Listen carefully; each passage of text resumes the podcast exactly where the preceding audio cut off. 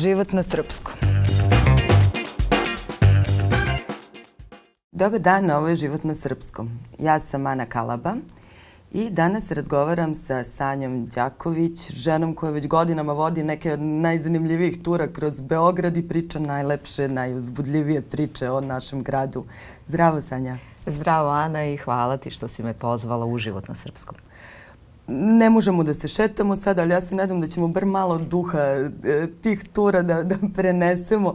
E, ja sam bila, pa sad već davno, na toj prvoj ljubavne šetnje Beogradom i ono što je meni ostala naj, kao najupečatljivija je priča o Romeu i Juliji. da. Mislim da pa... da si to predstavila i kao najstariju ljubavnu priču Beograda. Jeste. Upravo tako. Pa da, ti si bila, ja mislim, 2018. kad e, je ta šetnja i počela. I to je faktički prva šetnja, sad već u seriji ovih tematskih šetnji po Beogradu. Jeste, meni je tada bila ideja da šetnje, odnosno šetnju, započnem sa najstarijom uh, ljubavnom pričom čije se radnja dešava u Beogradu i ja sam tu priču našla, ako se sećaš, u dva izvora kod naravno Branislava Nušića i kod Marinka Paunovića koji je hroničar grada Beograda bio i uh, Nušić pišući tu priču u stvari kaže da su to dvoje, pretpostavit ćemo mladih ljudi, u stvari bili beogradski Romeo i Julija. E sad, njihova imena su bila malo manje romantična od ovih veronskih ljubavnika. Oni su se zvali Zagla i Badža. I sad obično moji gosti pomisle, ok, Badža je Romeo, a ovaj, -hmm. Zagla je Julija. E, nažalost nije tako, nego je obrnuto. E, naš Romeo je Zagla, a naša Julija je Badža. I tu sad sva romantika odmah u startu pada u vodu. A oni su se udvarali jedno drugom na vrlo lep i romantičan način putem cveća. Dovoljno da za, zaintrigira. pa jeste, dovoljno da zaintrigira ovaj, gledaoce da dođu. A, to je, mislim, priča je onako dosta ovaj, e, kompleksna. Ona je bila Turkinja, on je bio Makedonac. Kažu, oboje su govorili turski, e, pisati nisu znali, sporazumevati se putem nekog posrednika nije bilo uputno. I sad kažu, ko hoće da nađe rešenje i način, naći, naći će ga. Tako da je Đorđe Zagla, kako je bilo njegovo ime, ovaj, iskoristio jedno kuće kao posrednika i ovaj, preko kučeta u jednoj marami koju je kučet uvezao oko vrata slao putem cveća i različitih drugih tako simbola koji su imali značenje, koji su opet i jedno i drugo znali, evidentno, ovaj, njoj uh, ukazivao na svoju naklonost, a ona isto odgovarala na to. E sad i tu postoji još jedna prepreka, a prepreka je bila što je Badža, odnosno naša Julija, bila udata za jednog postarijeg Turčina I sad ja uvek tu priču i završavam ovaj, kada je pričam mojim gostima na početku šetnje. Ja kažem, znamo kako su završili veronski ljubavnici. Ja nekako želim i hoću da verujem da je ova priča imala uh, srećan kraj i uh, da se završila sa onom rečenicom i živeli su zajedno srećno do kraja života. To zajedno je jako bitno. Ovaj, e sad stvarno ne znamo kako su njih dvoje završili. Za Bađu, odnosno našu Juliju, se stvarno apsolutno više se nigde ne pojavljuje. A Đorđe Zagla po nekim zapisima umire u Beogradu u poodmaklim godinama života 1846. godine ja uvek e, dam i neku vrstu pretpostavke kada pričamo ovu priču mojim gostima, da mislim da se priča mogla dešavati recimo 1806. godine, jer je to upravo godina kada je Beograd tokom Prvog srpskog ustanka oslobođen od Turaka pa su svi mogli malo da odahnu, da odlože to oružje, jatagane i tako dalje i da se posvete lepšim stvarima u životu. A gde ćete lepše stvari od ljubavi, ja? A kako, kako si ti uopšte pokrenula tu priču? Je, Uf. Da. pa, um, meni se onako ideja o, o malo drugačijim uh, turama, odnosno šetnjama po Beogradu, motala po glavi jedno 3-4 godine pre nego li što je ta prva šetnja ljubavna startovala, to je 2018. godina negde u martu mesecu. I tako, onda su prvo bile ideje, ajde da se priča o vladarima i njihovim ljubavima, jer i tu svega i svačega je naravno bilo. A onda, pa znaš kako kažu, ono, dok te neka muka ne potera, ovaj, prosto kad ti je ugodno, fino, kad si ušuškan, meni su tada bile neke promene u, i u životu i u poslu. I onda se prosto sklopilo samo onako u nekih mesec dana sam ja sasvim onako preokrenula tu prvobitnu zamisao, uh, krenula sa idejom hajde da pričamo o znamenitim ljudima iz istorije, ali na malo drugačiji način. Jer istorija nisu samo bitke, opsade, prosto napade, odbrane i tako dalje. Mene je uvijek nekako zanimalo kako je živeo običan čovek ovaj, prosto kako je voleo. Sad već postoje neke šetnje koje govore i o zabavi u Beogradu do drugog rata, pa i o kriminalu u Beogradu do drugog rata, jer je to bio sve običan život kao što mi danas živimo i uvek nam se čini da su ta vremena u kojima mi živimo baš najgora i turbulentna ovde na ovoj raskrsnici puteva, stvarno su uvek takva vremena. I onda su priče krenule. Mislim, neke priče sam prosto i znala. E, priču o Andriću i njegovoj ljubavi i čekanju Milice Babić 30 godina. Priču o Crnjanskom koji je takođe u toj prvoj ljubavnoj e, šetnji i njegova priča sa Vidosavom Ružić mi je takođe bila poznata. A neke priče, pak, ali zaista je to onako, samo kreni pa će ti se otvarati. Mm -hmm Neke priče su same, onako, se samo pojavljivale. Recimo priča o porodici Krsmanović i Antonijević, dve možda i najbogatije beogradske porodice tu sa kraja 19. početka 20. veka koji su se rodile i na taj način i nastaje ove, kasnije, jel, palata ruski car, jer je imanje ruskog cara a, dobijeno mirazom se samo onako pojavilo, znaš, ono, kao listaš neke knjige pa tražiš nešto sasvim 50. i onda ti izađe cela priča mm. sa sve tom pozivnicom porodice Antonijević koja je tako vrlo, vrlo simpatična. Ili ako se sećaš iz e, te šetnje, one priče koje ja čitam iz arhiva grada Beograda, uh, o dvoje ljudi koji traže dozvolu da žive nevenčano. Mm -hmm. ovaj, to je onako vrlo simpatično i gosti jako lepo reaguju na tu priču jer je krajnje neobičajno u pitanju 1861. godina i ovaj, upravi Varoši Beogradske dvoje ljudi ovaj, šalju molbu da im se izda dozvola da se može živeti nevenčano i onda cela ta, to je jedna prepiska onako, ovaj, a da li su dobili dozvolu nekako gledalci dođu da, da vide. Tako da su se prosto neke priče same po sebi uh, nametale. Znači ja ih nisam, nisam ni znala da postoje onako, nego čitajući i tražeći nešto drugo, samo onako pročitaš to i kažeš ma ovo je idealno. Tako da ovaj, stvarno je tačna ta uh, ideja da samo treba da se upusti čovek, a onda prosto rešenja se sama ovaj, iznalaze. I u startu kad sam ja krenula sa tom prvom šetnjom, jesam pitala neke ljude jer um, takvih šetnji nije bilo po Beogradu u to doba. Sada ih već onako ima. Ovaj, onda sam pitala neke moje prijatelje koji su malo dublje u turizmu u Beogradu bili, kao pa da li da ja to radim, pa da li će biti posete, pa da li će to ljudima biti zanimljivo. I u većini slučajeva su odgovori bili nemoj, trošiš energiju. Aha. Kao Beograđani uopšte nemaju kao ovaj, naviku ili želju ili već potrebu da saznaju nešto o svom gradu, a ja sam nekako onako intuitivno verovala da to baš nije tačno da ovaj, ovde postoji jedan broj ljudi, dva miliona koliko nas ovde ima, da postoji jedan broj ljudi koji interesuje istorija grada I jako volim kad se ispostavi da sam imala pravo. Ove, ovaj, ima sada jedan lep broj, ja ih zovem ljubavni šetači koji se vraćaju. Znači, prosto Aha. pogledaju jednu šetnju, pa onda, recimo, kad se izbaci druga šetnja, onda dođu, pa treću, pa se vraćaju na neku prvu, pa dovedu neke svoje prijatelje. Tako da da, i ima sad nas ljubavnih šetača po Beogradu. Ovaj, kad god vidite jednu grupu da je onako ide po centru grada, to su ljudi koji idu po, po gradu i pričaju neke lepe ljubavne priče. Koja je tvoja omiljena? Umeđu vremenu si ti proširila. Jesam. E, omiljena šetnja ili omiljena, omiljena priča? Omiljena priča. Beograda, ne mora ljubavna.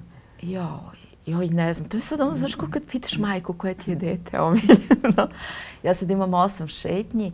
Pa ne znam, stvarno. Možda ta prva ljubavna, baš zato što je bila prva. Mm i zato što je ovaj, eto, od nje nekako sve krenulo i tu se nekako najviše entuzijazma da se sve pokrene jer mislim sad to ovako možda i malo zvuči kao da je sve išlo kao po vodi. Nije, trebalo je prosto upoznati i javnost da, da tako nešto postoji, pa budući da su to ovaj, prosto šetnje koje nisu, aj kažemo, besplatne za Beograđane, E, na neki način prosto pustiti tu informaciju suptilno u, u javnost da se ne tretira kao ne znam nija kakva, kakva reklama i to. Tako da možda ta prva jer je od nje krenula, ona je imala jako lep uh, odjek i odziv kod ljudi, a u marketingu uh, postoji ta reklama, a sad moram na engleskom, word of mouth, odnosno usmena mm -hmm. reklama, odnosno propaganda, koja je mnogo jača od bilo koje, bilo koje platežne.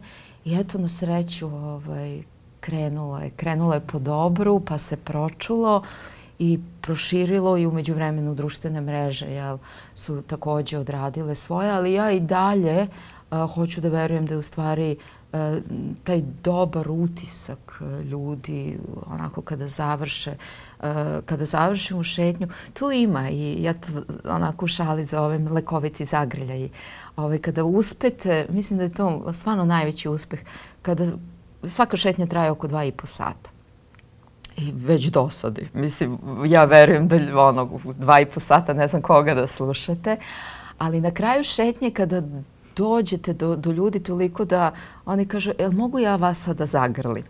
Ja to zovem lekoviti zagrljaj. Ili kada ljudi puste suzu. To se recimo često dešava na priči o Crnjanskom i o Vidi Ružić. Crnjanski, ovaj, sad već nosim paklicu papirnih maramica, šalim se, ali stvarno vidimo onako da ovaj, ženski svet najčešće onako pusti suzu na, na tu priču. E to je već po meni onako uspeh, da sa pričom uh, uspete da dotaknete ljude toliko da realno, ja sam za njih nepoznata, ovaj, da žele da vas zagrle, da žele da prosto podele neku emociju sa vama. Tako da to smatram onako za veliki uspeh, aj tako da kažem. Ali ima i to, te atmosfere e, starog Beograda, to su mesta pored kojih svi prolazimo. E, verujem da sve to doprinosi tom e, nekom momentu gde i mi učestvujemo i sad, sad znamo tajnu koju krije ta kuća, na primjer. Pa jeste, Nekako... uh, iskreno da ti kažem, Ana, uh, to i jeste bila uh, jedna od ideja. Znači, mi svi znamo Ivu Andrića spram njegovog dela. Ali je meni bila negde ideja, hajde da ispričamo njegovu ljubavnu priču.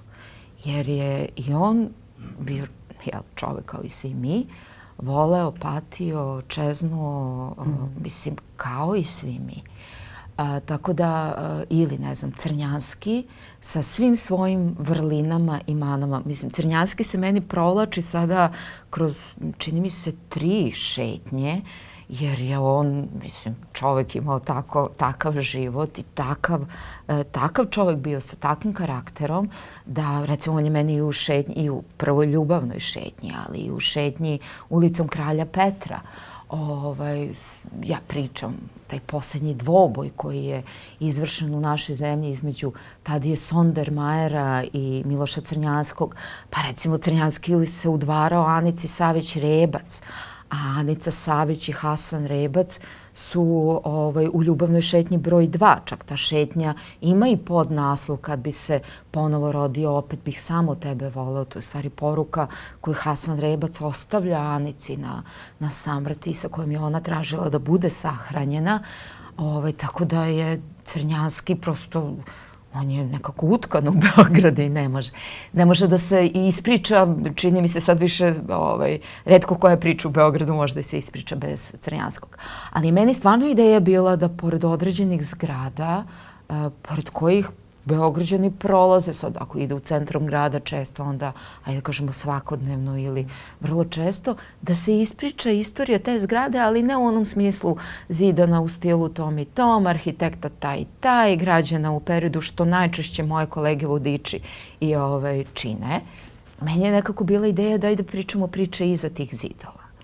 A, Tako da nekako mi je... I još jedna ideja mi je bila da probamo da osvetlimo neke jako značajne ljude iz naše istorije koje smo mi sa ovom našom kulturom ili nekulturom sećanja jako brzo zaboravili.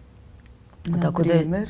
Da, na primer, evo već pomenuti Možda Tadija. Možda je ovo prilika da... Da, da, već pomenuti Tadija Sondermajer koji nam je osnovao uh, prvo preduzeće za civilni, odnosno prvu kompaniju ili preduzeće za civilni prevoz putnika, Aeroput, što je bila preteča JATA, odnosno današnje Air Srbije. Čovek koji je napravio prvi uh, interkontinentalni uh, let uh, spojio Pariz i uh, Bombaj, odnosno Mumbai, sa Leonidom Bajdakom, uh, čovek koji nam je, eto, ovaj, eto, koji je imao i taj, taj poslednji dvoboj uh, koji se izvršio u Kraljevini između uh, Sondermajera i Miloša Crnjaskog, koga većina ljudi, kada ja i pitam ljude kod zgrade aerokluba, jer je i on inicirao izgradnju zgrade aerokluba, je vam poznato ime Tadije Sondermajera, moram priznati da jako mali broj ljudi zna. Pa potom Anica Savić-Rebac, već pomenuta, uh, Ksenija Atanasijević, Maga Magazinović, e, bračni par e, Kostić, Aleksandar, oboje lekari, Aleksandar Kostić i Smilja Joksić Kostić, Aleksandar Kostić je bio jedan od osnivača farmaceutskog fakulteta, fa fakulteta veterinarske medicine, osnivač histološkog instituta, doktor Smilja Joksić Kostić, uh, začetnika, da kažemo, pedijatrije u našoj zemlji. Oboje nosioci francuskog ordena Legije časti, oboje dva puta isteravani, odnosno proterivani sa medicinskog fakulteta. Uh, pa ne i, i bez značaja roditelji čuvenog Vojislava Vokija Kostića totalno čini mi se e, potisnuti, ajde tako ću reći. Doktor Aleksandar Kostić stvarno jedna renesansna ličnost, jer taj čovjek čega god da se dotakao, imam utisak da je pozlatio, jer je on bio i arheolog i izvrstan uh, muzičar. On je uh, učio klavir kod Stevana Mokranjca, uh, osnivač društva za kremaciju oganj. Ja mislim to kad krene čovjek da nabraja, kao i Aleksandar Deroko. Evo i Deroko i njegova ljubavna priča koja je krajnje zanimljiva takođe. Ovaj, uh, Deroko kad pogledate, samo kad krenete da nabrajate šta je Deroko bio, pa vam treba, i, i šta je uspešno u svom životu radio, ovaj, pa vam treba onako jedno malo poduže vreme. On je preko 50 godina proveo u izuzetno srećnom braku ovaj, sa ženom koja je trebala da se uda za skroz drugog čoveka. Takođe poznatog, a Deroko je trebao da bude kum na tom venčanju, Rasko Petrović je trebao da bude mladoženja. Iz krajnje nepoznatog razloga Rasko Petrović na sobstvenom venčanju nije pojavio, te Deroko uskočio kao mladoženja. Tako da su to isto eto, neke ličnosti, uh, o, recimo sada u Ljubavnoj šetnji Dorčolom uh, je, tu su opet uh, slikari Riste i Beta Vukanović. Ja uvek pravim uh, probne šetnje gde moji prijatelji ima jedna slatka rečenica, jedan sladak aforizam, kaže čemu služe prijatelji kažu kada imaš loš dan da ovaj, odeš i njima pokvariš dan. E tako ja moje prijatelje ovaj, po znacima navoda puškom teram da dođu na probne šetnje. Znači ovaj, pre nego što šetnja startuje neka nova za publiku, ja se tu nekako ovaj, okružnim prijateljima da onda mi zajedno prođemo da vidimo koliko vremena treba, koja priča je zanimljiva, koja nije. Ovaj, I sad u Ljubavnoj Dorčalom je bračni par Rista i Beta Vukanović, slikari, čija je kuća bila u Kapetan Mišinoj. I onda nekolicina mojih prijatelja koje držim za onako poprilično obrazovane i informisane, mi je rekla mi nikada za recimo Betu Vukanović, ženu koja je bila, koja je slikala karikature, pravila karikature, prva žena karikaturista kod nas Ovaj, kažu neki da je i prva koja je nosila pantalone kod nas. E sad tu se malo spore. Kažu Julija Hunjadi, ovaj, supruga kneza Mihajla Obrenovića kažu tako, je prva nosila jahaće pantalone kod nas. Tako da i te neke zanimljivosti, eto, ovaj, pričamo prvo žena pilot, recimo i nju nekako osvetljujemo, to je bila Danica Tomić, uh, Tako da, eto, negde sad svaka šetnja ima ideju da se i malo osvetle ovaj, neke jako značajne ličnosti iz naše istorije koje smo mi negde potisnuli. Da ne pričamo za dužbinarima, pošto je jedna šetnja posvećena i za dužbinarima. I postoji ovaj, ta lepa rečenica Ive Andrića koji kaže da ovi veliki ljudi umiru dva puta, jednom kada nestane njihove zadužbine, a drugi put kada nestanu one iz naših sećanja.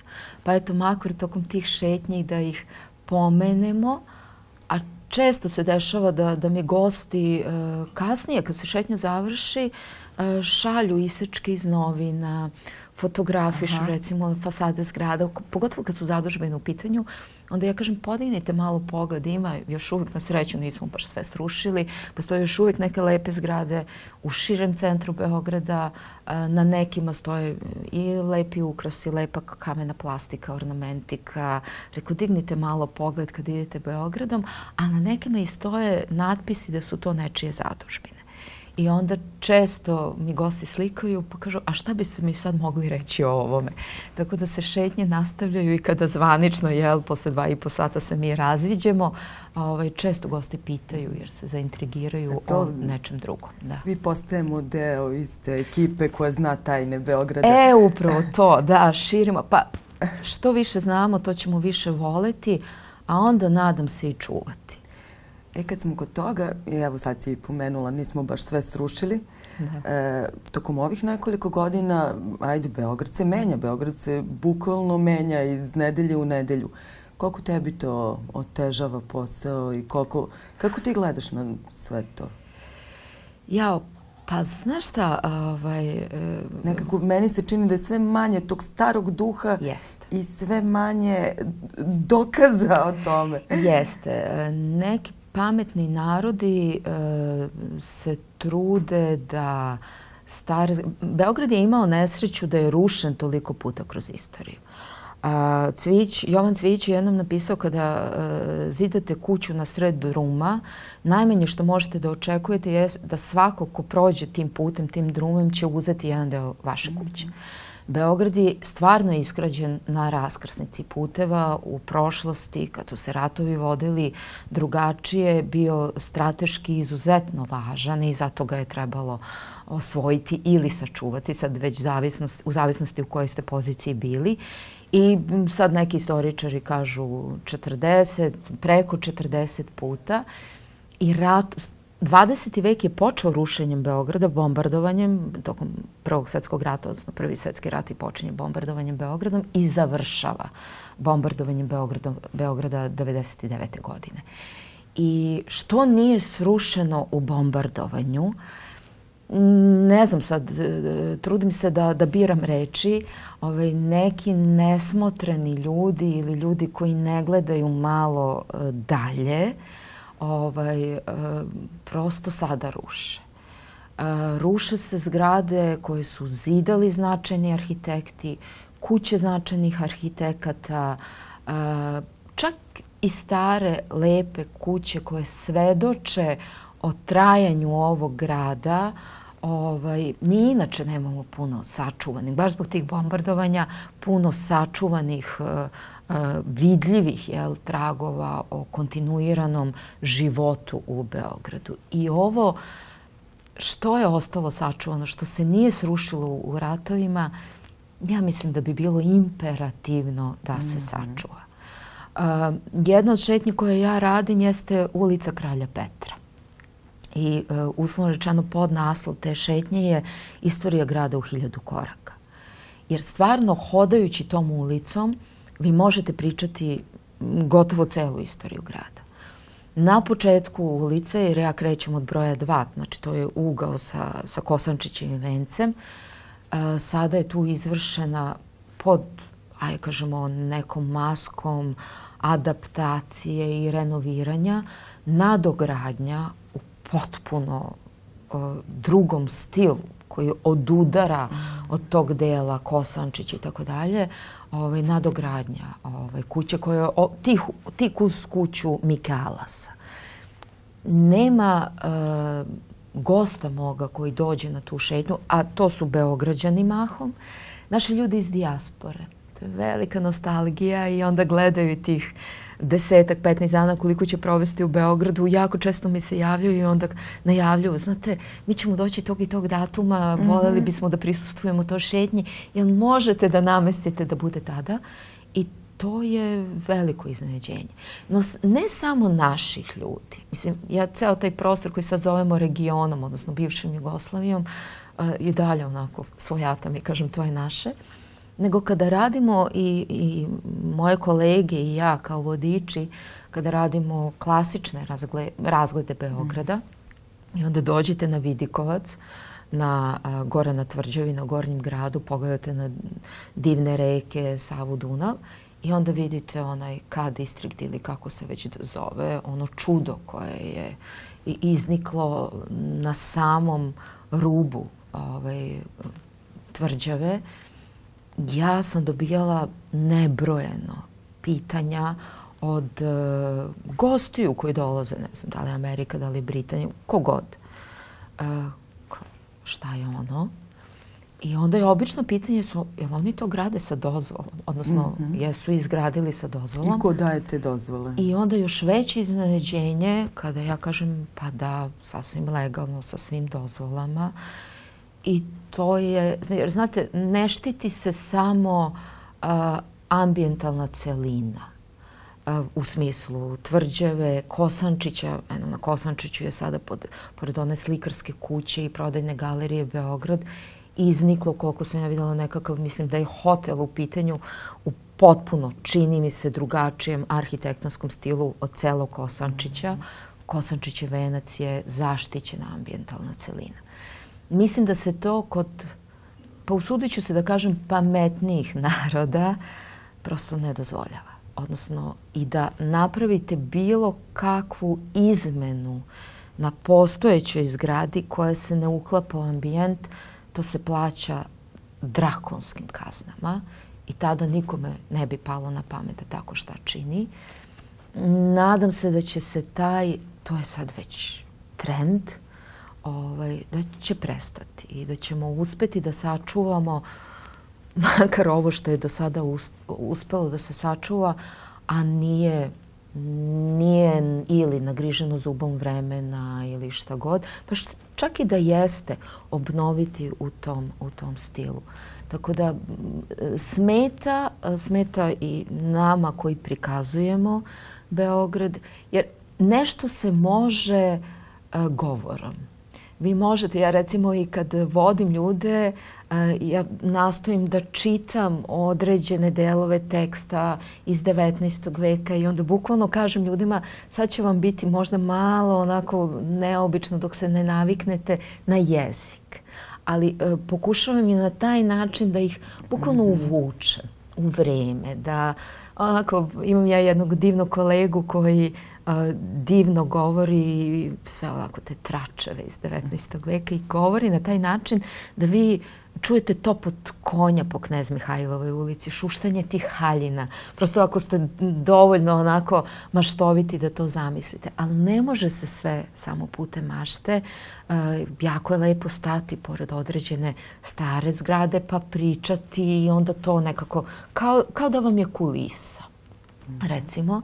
I ja bih stvarno voljela da se taj trend već jednom zaustavi i da jednog dana budu priče o tome možda.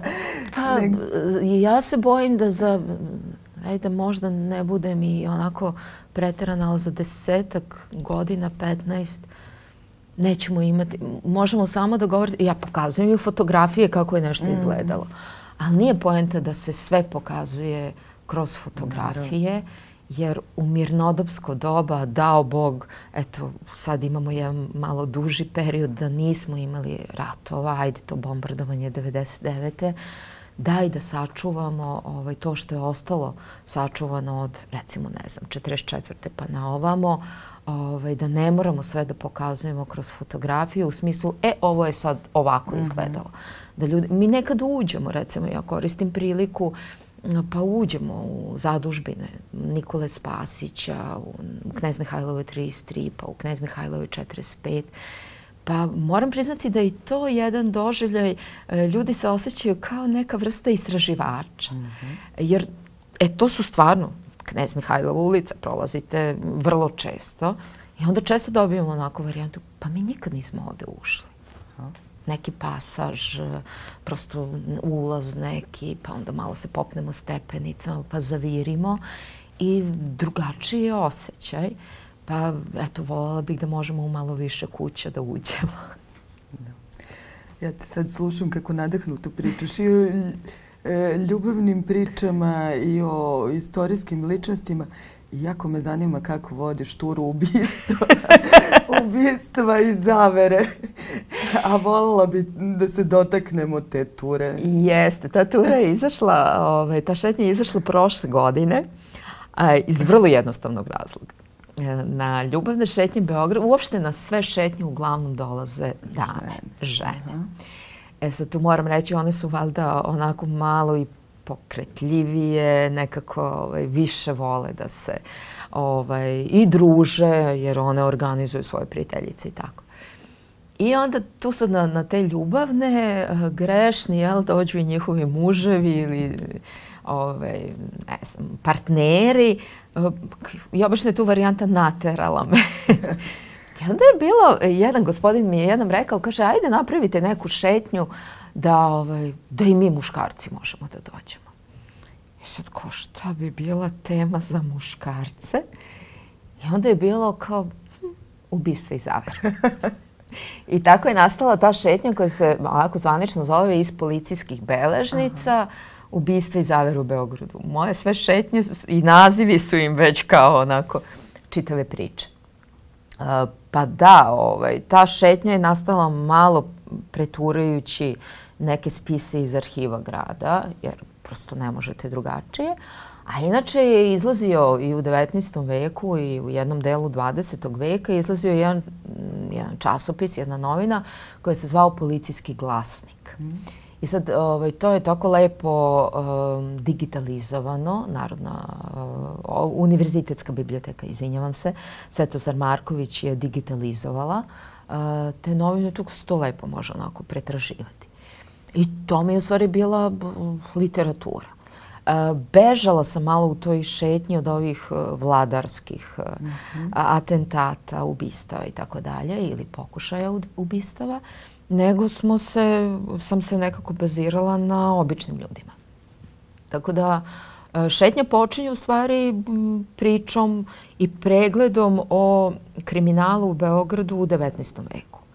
Uslovno rečeno, naš grad bi se mogao smatrati vrlo mirnim i sigurnim gradom. Uh, u to doba, e, zato što, šta ja znam, glavna vest je bilo, ne znam, ukraden neki espap, odnosno neka roba iz neke radnje. E, meni je bilo onako preslatka prijava e, nestanka dve srebrne kašike iz kuće Vuka Karadžića Vuka Stefanovića Karadžića.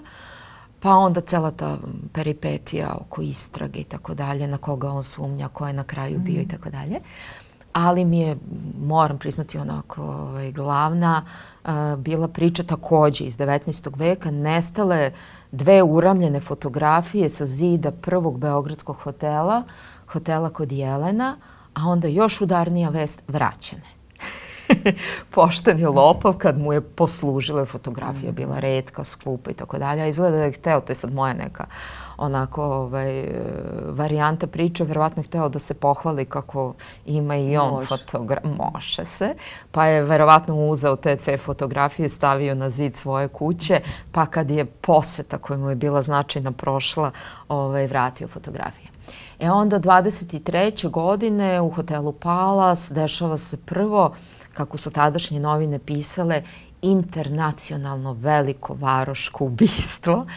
To je, ove, su bila neka dva stranca, jedan bio francus, jedan a, ovaj, švajcarac. A, ubistvo nikada, odnosno ubica nikada nije nađen, a, pronađen, iako je ovaj jedan švajcarac završio u zatvoru, proveo pet godina u zatvoru zbog ubistva ovog svog prijatelja. Onda pričamo recimo ubistvo, za to isto ubistvo je rečeno da je u pitanju u stvari ono, samo odbrana. Međutim, kasnije neki dokazi kažu da je to bilo sad već i političko ubistvo. E, Eduarda Ede Markovića, on je bio direktor Prizada. Prizad je bio privilegovani zavod Kraljevine Jugoslavije, trgovali su e, zemaljskim proizvodima žitaricama, evo nam paralele sa vremenem današnjim, period pred drugi rat, Nemačka traži izvor, e, odnosno snabdevača hranom, na prvom mestu žitaricama u podunavskim zemljama, e, Kraljevina Jugoslavija potpisuje jedan sporazum sa Nemačkom da svoje viškove poljoprivrednih proizvoda izvozi u Nemačku. Edo Marković, koji inače imao jevrejsko poreklo, e, bio je Eduard Kraus, u stvari posle je uzeo Marković prezime po svom ocu koji se zvao Marko, se protivio tome, vrlo smetao tadašnjoj Nemačkoj i sad cela ta priča kako je to nekako izvedeno, dobio pretnje, tražio policijsku zaštitu, policijska zaštita uh, uklonjena, odnosno žandarm uklonjen samo jedan dan pre njegovog ubistva. Mm Tako da je to onako jedno od tih ovaj, zanimljivih priča. Inače, Prizat se bavio izvozom uh, opijuma, medicinskog. Kraljevina Jugoslavija bila proizvođač jednog, zapravo jedan najkvalitetniji medicinski opijum, jedan od najkvalitetnijih, proizvodio se kod nas u Makedoniji. Veliki izvoznici smo bili opima, pa i to bilo u igri. Da li je farmaceutska, usuđući se da kažem, industrija, odnosno mafija, bila umešana u to ubistvo. Pričamo o profesiji dželata koja je postojala u Kraljevini Jugoslavije jer je uh, jedna od kazni bila smrtna kazna koja se mahom izvodila vešanjem, pa je tu postojao jedan dželat ko, koga su zvali estradni jer je dolazio u belim rukavicama sa cilindrom, mm. uštirkanom košuljom. Ovaj, čak se i slikao kasnije po izvršenom ovaj, delu. Te rukavice bacao pod noge čoveka koga je upravo obesio i govorio za tvoju smrt. Ja nisam kriv. Kažu što samostalno, što kao asistent usmrti oko 108 osoba. A jako voleo cveće i decu. Pričamo o prvoj ženi atentatoru, ovaj, Ilki Marković. Uh, u našoj zemlji ona je pokušala ante, atentat na tada već kralja Milana Obrenovića. Uh, pa tako, pa onda pričamo jednu šaljivu priču o jednoj ženi koja je lečila svog muža lekovitim travkama i zauvek ga izlečila. Onda se lepo provodila ovaj, po Beogradu. I tako, priča se završava sa uh, pričom o ubistvu žene koja je, kažu, poslužila Ivi Andriću kao osnova za gospođicu. E, to je najbogatija Beograđanka u predratno vreme, o tome je i knjiga napisana, ovaj, čije ubistvo se nikada nije razrešilo. A, kažu da su prosto tragovi vukli do najviših a, instanci u našem, našoj tadašnjoj jel, kraljevini do dvora a, kralja Aleksandra Karađorđevića i prosto to je stvarno bila onako misterija. Kada uzmete novine iz tog perioda, znači pa nema, to, to je jedan dug vremenski period, ovaj, pošto je ona usmrćena po svemu sudeći tu negde oko 19. januara, njeno telo, pa to, nikako nisu mogli da pronađu telo i tako dalje, pronađeno tek početkom februara, sahrana jedna od najvećih koja je bila tada u Beogradu, ne zato što su nju žalili, nego eto da budu viđeni.